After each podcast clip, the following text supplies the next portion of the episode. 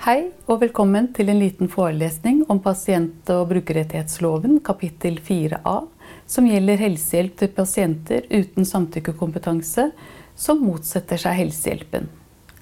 Formålet her er å gi en kort gjennomgang av reglene på bruk av tvang etter kapittel 4a. Disposisjonen er som følger. Jeg skal si litt innledningsvis, litt om hva som er tvang, vilkårene for å bruke tvang etter kapittel 4a, og eh, avslutningsvis litt om saksbehandlingen. Utgangspunktet og hovedregelen er at voksne personer bestemmer over seg selv. Det er faktisk en menneskerett. Videre har en person som er over 16 år, rett til å si ja takk eller nei takk til helsehjelp. Og unntak fra personers selvbestemmelse og personlig frihet, det må følge av loven. Det følger av legalitetsprinsippet. Og kapittel 4a gir en slik hjemmel for å gi tvungen somatisk helsehjelp. Tvang i helse- og omsorgssektoren er å gjøre tiltak som pasienten motsetter seg. Tvang er også tiltak som er så inngripende at de uansett regnes som tvang. Eksempler på dette er bevegelseshindrende tiltak, GPS osv. Det med å bruke tvang har noen virkninger. Å bruke tvang mot en person er inngripende.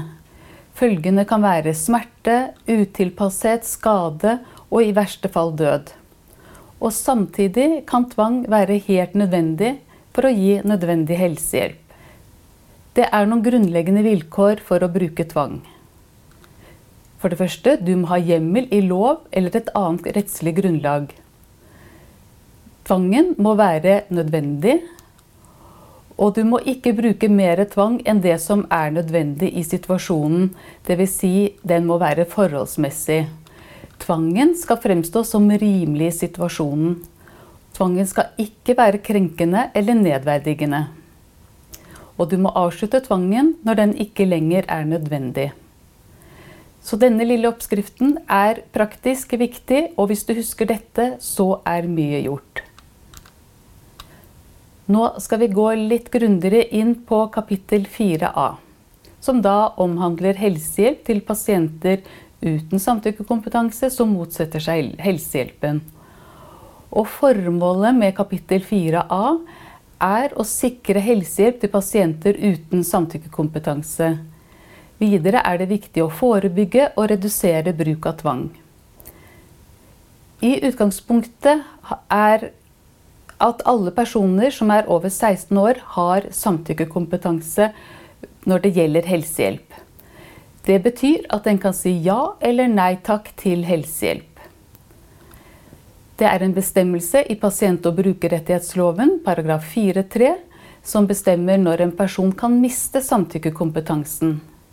Her fremkommer det Samtykkekompetansen kan bortfalle helt eller delvis dersom pasienten pga. fysiske eller psykiske forstyrrelser, senil demens eller psykisk utviklingshemming åpenbart ikke er i stand til å forstå hva samtykke omfatter.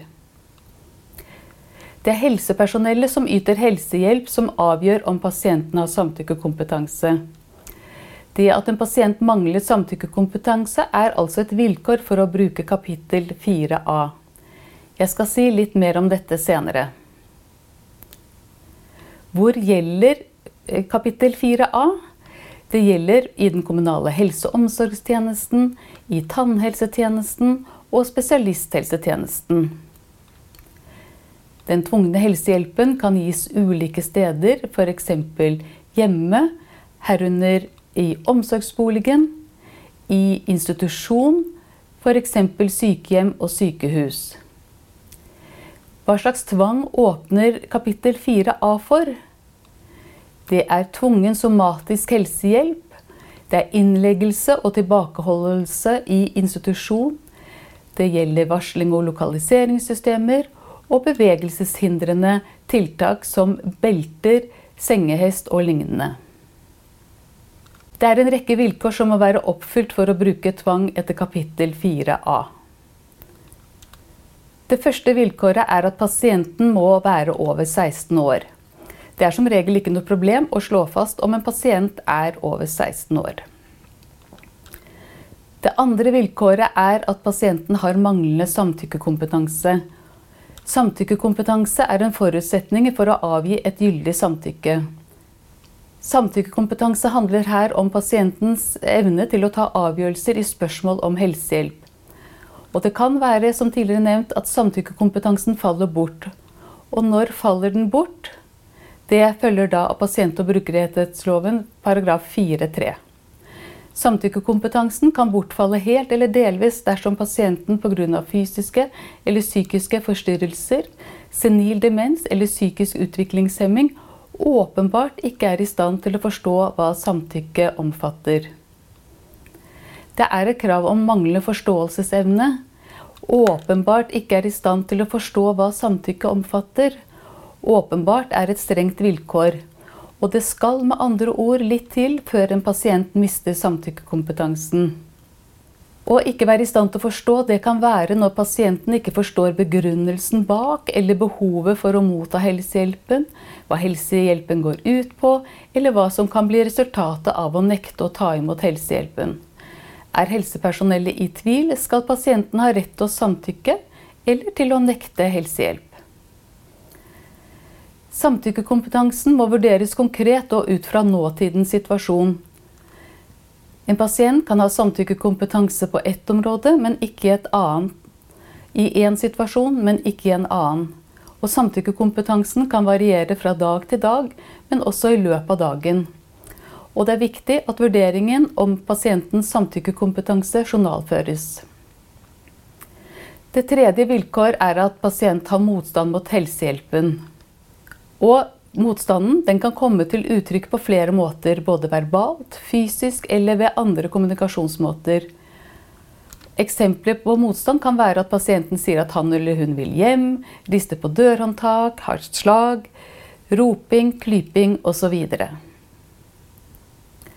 Det fjerde vilkåret er at det gjelder somatisk, altså kroppslig helsehjelp. Og hva er helsehjelp? Helsehjelp omfatter i utgangspunktet alle handlinger som har forebyggende, diagnostisk, behandlende, helsebevarende, rehabiliterende formål eller pleie- og omsorgsformål, og som utføres av helsepersonell. Det følger av pasient- og brukerrettighetsloven paragraf 1-3 bokstav c. Hvis det er psykisk helse det er snakk om, f.eks. undersøkelse og behandling av psykiske lidelser uten eget samtykke, så gis det etter reglene i psykisk helsevernloven og ikke etter kapittel 4a. Legemidler som gis til behandling av psykiske lidelser, psykofarmaka, faller utenfor virkeområdet til kapittel 4a, men det er ett unntak. Dersom bruk av slike legemidler er nødvendig for å få gjennomført undersøkelse eller behandling av en somatisk lidelse, vil dette imidlertid som utgangspunkt være innenfor rammen av de tiltak som er tillatte etter kapittel 4a. Det femte vilkår er at tillitsskapende tiltak må være forsøkt, med mindre det er formålsløst. Og den klare hovedregelen er altså at det må forsøkes med tillitsskapende tiltak. Og Eksempler på slike tiltak er å kartlegge årsaker til motstand mot helsehjelpen, bruke tid på utførelsen, ha rolige omgivelser, gi tilpasset informasjon og tilpasset kommunikasjon. Og det er viktig med høy bevissthet om betydningen av tillitsskapende arbeid. Det er grunnleggende viktig for å redusere bruk av tvang. Det er et snevert unntak fra å prøve tillitsvekkende tiltak. Det er når det er formålsløst å prøve. Eh, et eksempel her kan være at personen har en langkommet demens, og tillitsskapende tiltak har vært prøvd flere ganger tidligere i samme situasjon, uten å lykkes. Det sjette vilkåret for å yte tvungen somatisk helsehjelp er at unnlatelse av å gi helsehjelpen kan føre til vesentlig helseskade. Kapittel 4a gjelder ikke for fare for skade på andre. Da er det reglene om nødrett og nødverge i straffeloven som gjelder. Helseskade omfatter både fysisk og psykisk skade. Vesentlig helseskade betyr at skaden må ha et betydelig omfang og eller alvorlige konsekvenser. Eksempler her kan være livsnødvendige medisiner, ubehandlede sår, manglende munnhygiene eller tannbehandling som må gis for å unngå helseskade. Også tilbakeholdelse, dvs. Si når personen er inne på en helseinstitusjon, altså sykehus eller sykehjem, faller inn under 4A eh, for å beskytte pasientens liv og helse. F.eks. en person med demens kan vandre ut i en trafikkert eh, vei eller område eller gå seg vill. Det syvende vilkåret er nødvendighetskravet. Hva som er nødvendig helsehjelp ut fra pasientens behov. Kan helsehjelpen gjennomføres på andre måter enn ved bruk av tvang? F.eks. en person med diabetes er avhengig av insulin. Eller en person som har hjerteproblemer og trenger hjertemedisin. Det er helt klart nødvendig helsehjelp. Men hva med stell og pleie? Når er det nødvendig med vask? Trenger personen med demens å vaske seg hver dag? Og når blir vask helt nødvendig? F.eks. hvis pasienten er tilsølt med urin og avføring, så kan det føre til sår og skader og infeksjoner. Hvorvidt det er nødvendig, er en konkret vurdering i den aktuelle situasjonen. Det åttende vilkåret er forholdsmessighetskravet. Tvangstiltaket må virke klart mer positivt enn å ikke gi helsehjelp. Sagt på en annen måte så må tvangstiltaket fremstå som rimelig i situasjonen. F.eks. en person har tannrotbetennelse som trolig gir pasienten sterke smerter. Si at det er umulig å behandle pasienten uten å bruke tvang. Dersom tannrotbetennelse ikke blir behandlet, kan den gi vesentlig helseskade. Her må de negative virkningene av tvangstiltaket, f.eks. For i form av holdning og narkose, som må skje på sykehuset, veies opp mot de positive virkningene av helsehjelpen, slik at pasienten kan bli kvitt tannrotbetennelsen. Hvis det finnes flere alternativer til tvangstiltak, så er det viktig at det minst inngripende tvangstiltaket benyttes. Det niende vilkåret er at det skal være en helhetsvurdering. Er helsehjelpen den klart beste løsningen for pasienten? Loven angir særlig to momenter som må vurderes. Er det mye motstand? Hvis det er mye motstand mot helsehjelpen, så kan det være at det ikke er noe hensikt med å tvinge gjennom helsehjelpen. Det andre momentet er kan pasienten få tilbake samtykkekompetansen i nær fremtid. Hvis pasienten får det, så kan det jo være at pasienten samtykker til helsehjelpen, og at tvang dermed kan unngås. Jeg skal si litt om saksbehandlingen. Det er slik at Bruk av tvang etter kapittel 4a må dokumenteres både i journal og det må fattes et 4a-vedtak. Helsepersonell plikter å føre journal fortløpende. Og det skal journalføres nødvendige og relevante opplysninger. Og journalføringen skal bidra til kvalitet og kontinuitet i behandlingen. Og det er viktig ved etterprøving, f.eks. ved klage på helsehjelpen. Det skal fattes fire A-vedtak både i enkeltsituasjoner og ved mer langvarig bruk av tvang. Vedtaket treffes av helsepersonellet som har ansvaret for helsehjelpen. Eksempler her er legen som foreskriver medisinering, tannlegen som gir tannbehandling, eller helsepersonell som skal gi pasienten narkose og operere pasienten. Eller det kan være en ansvarlig sykepleier eller helsefagarbeider som skal gi tvungen stell og pleie.